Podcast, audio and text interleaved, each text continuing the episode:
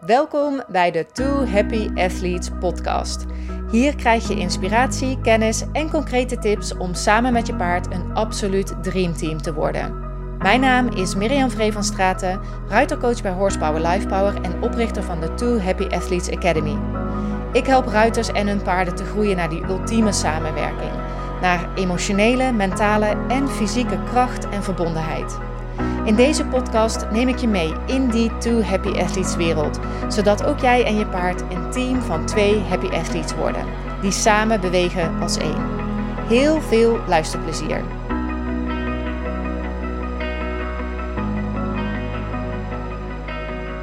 Hey, welkom bij weer een nieuwe aflevering in de Two Happy Athletes podcast.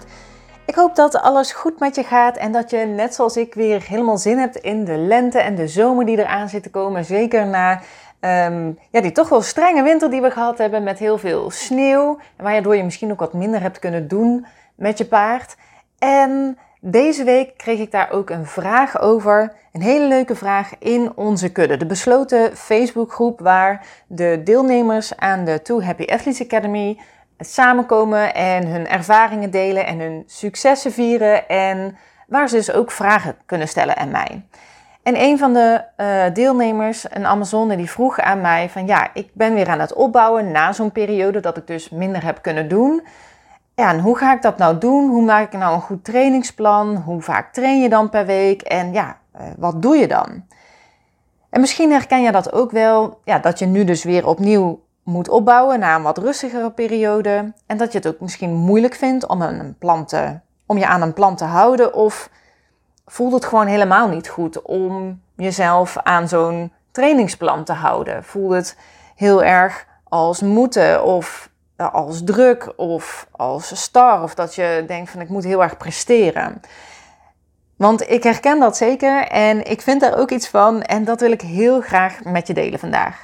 Want een trainingsplan, ja, dat is natuurlijk bedoeld om samen met je paard te groeien, om je doelen te bereiken. En het zegt dus iets over wanneer doe je wat en hoe lang en hoe hoge intensiteit. En dat kun je zo ingewikkeld maken als je zelf wilt natuurlijk. Kun je ook heel precies maken. En er zijn dus ook heel veel variabelen bij. Dus wat allemaal meespeelt om een goed plan te maken is natuurlijk de leeftijd van je paard, het africhtingsniveau, de conditie van je paard, maar natuurlijk ook je eigen ambities die spelen mee. Dus train je na een wedstrijd toe, heb je echt wedstrijdambities of wil je je paard vooral fit houden voor buitenritten? Dat zijn natuurlijk hele verschillende doelen en ja, daar train je dus ook anders voor. En ja, natuurlijk alles daartussenin.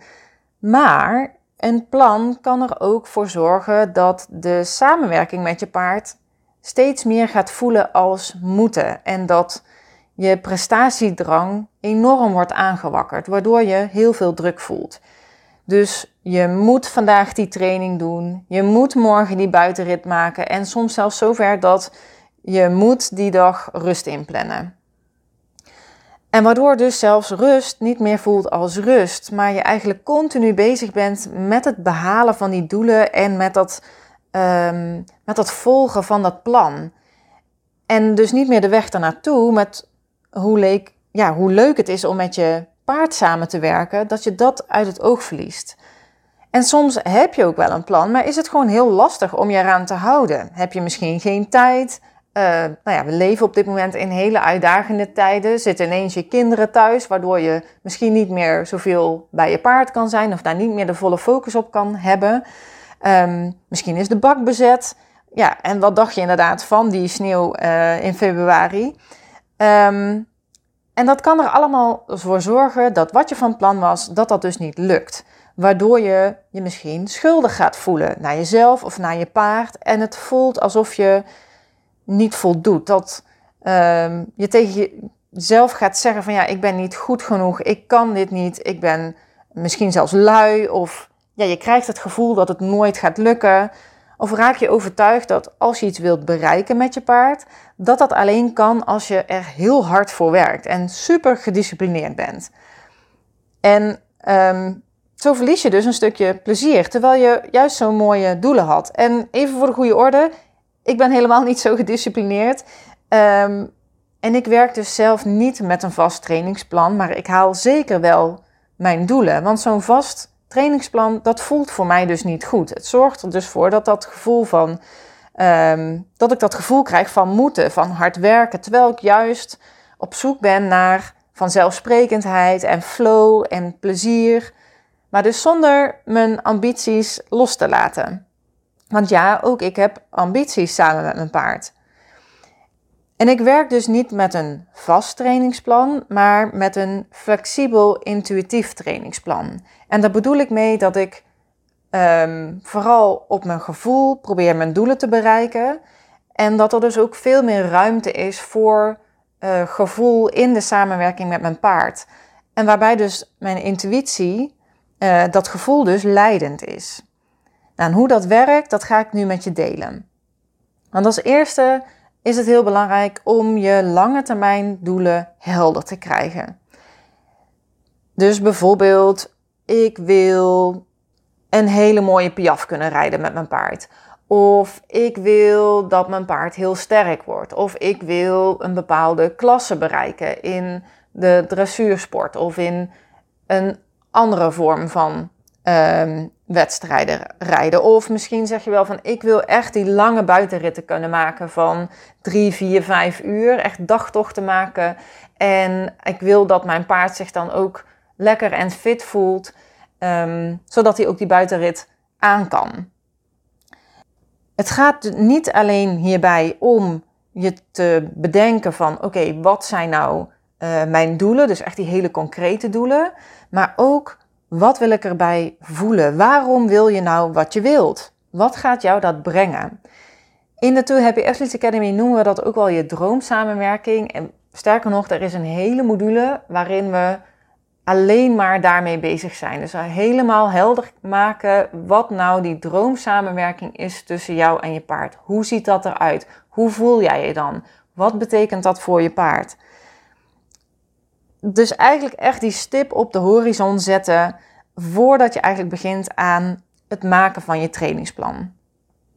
En dan het volgende is vanuit die lange termijn doelen, vanuit die droomsamenwerking, je korte termijn doelen uh, bepalen.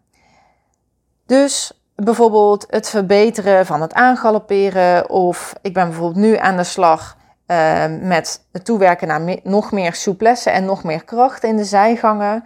Um, nou, misschien ben je net begonnen aan de zijgangen en gaat het juist heel erg over de communicatie daarover, dat het voor je paard heel helder wordt wat je nou precies bedoelt. En dat zijn dus de korte termijn doelen. Dus bepaal voor jezelf wat dus die projecten zijn, zeg maar, waar je aan wilt werken. Maar dan komt het flexibele deel. Want met dit grote plaatje in beeld baseer ik uh, dit deel, de invulling daarvan, dus op basis van een aantal factoren. En de eerste is wat ik zelf aan kan. Dus ik kijk qua agenda, qua tijd, qua hoe ik me voel. Dus als ik zelf niet lekker erin zit, dan ga ik bijvoorbeeld ook niet rijden, maar gun ik mezelf bijvoorbeeld een playdate met Elise. Of werk ik aan de hand met haar.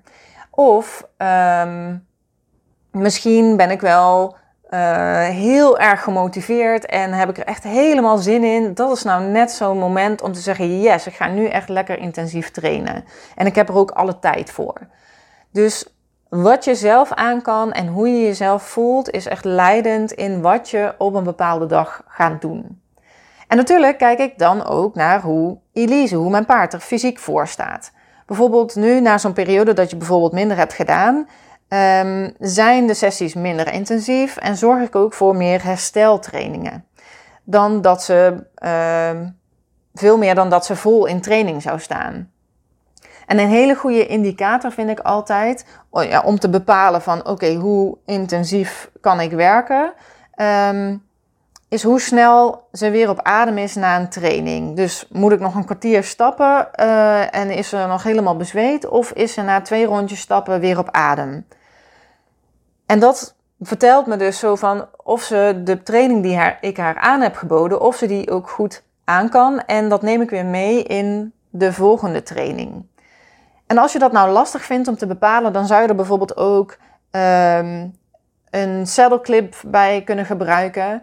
Um, er zijn er zelfs die zelfs de hartslag van je paard live bijhouden en ook van jezelf. En dat kan echt een hele goede tool zijn om dat goed in de gaten te houden. Ja, wat nou een juiste intensiteit is.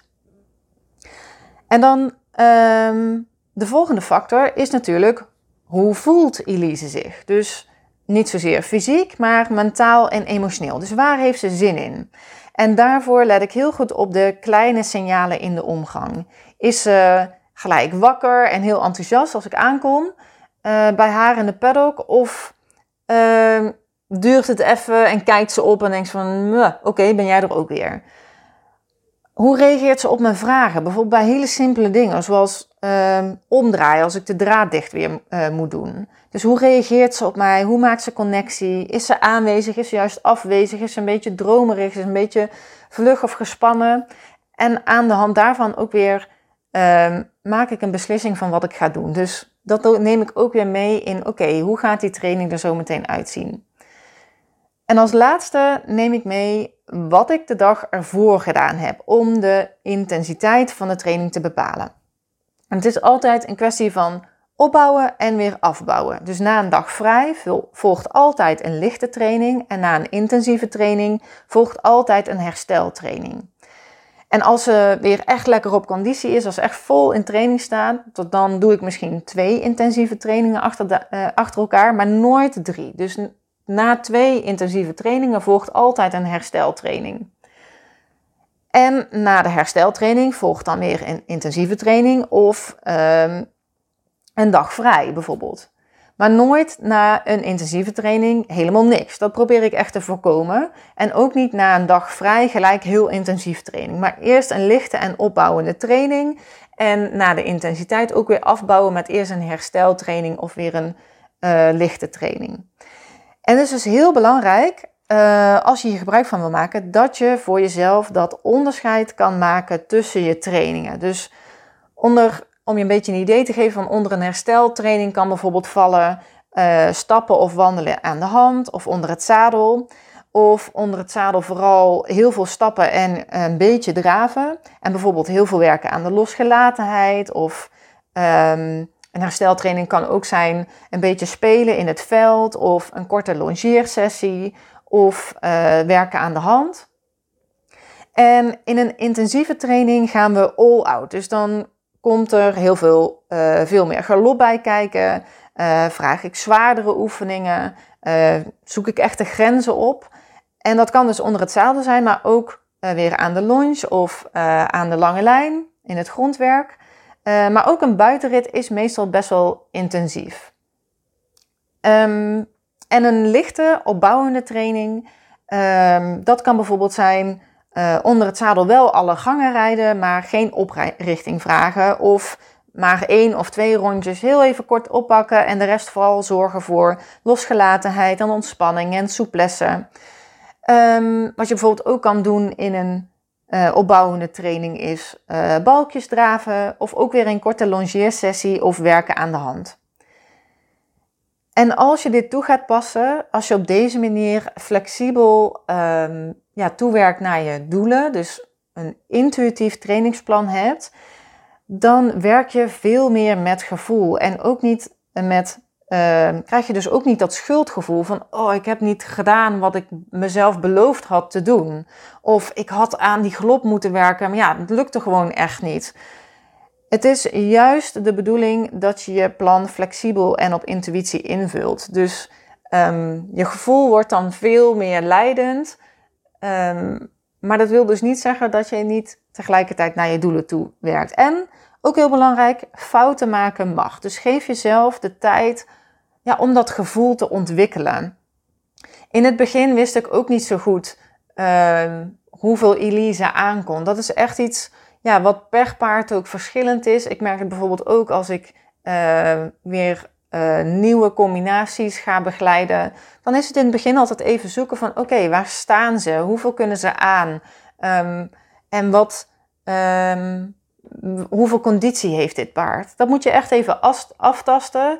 En het is helemaal oké als je een keer denkt van oh, nou heb ik misschien wat te veel gedaan.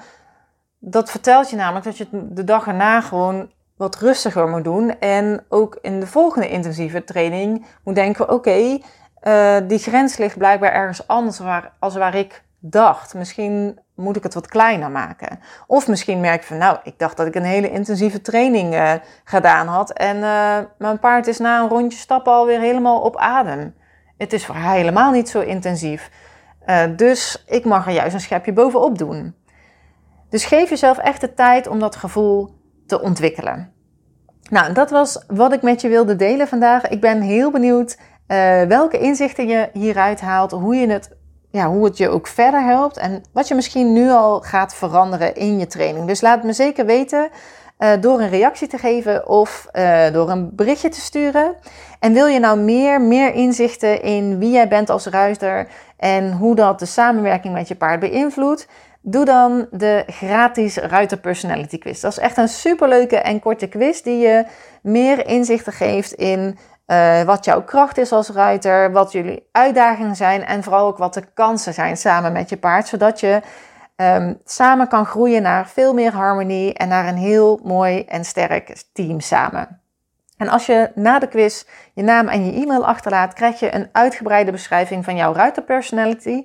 En, helemaal tof, een op jouw ruiterpersonality afgestemde meditatie die je samen met je paard kunt doen. Dat is echt een hele bijzondere meditatie. Dus uh, ga dat uitchecken op www.ruiterquiz.nl. Daar kun je de quiz doen, dus ga daar gelijk even heen om um, ja, die vragen te beantwoorden. Hij is echt een het is een hele korte quiz. Het is, uh, je hebt de uitslag zo binnen.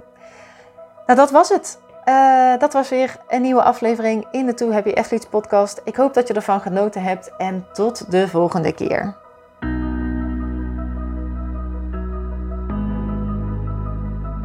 Heel leuk dat je luisterde naar de Too Happy Athletes podcast. Dankjewel.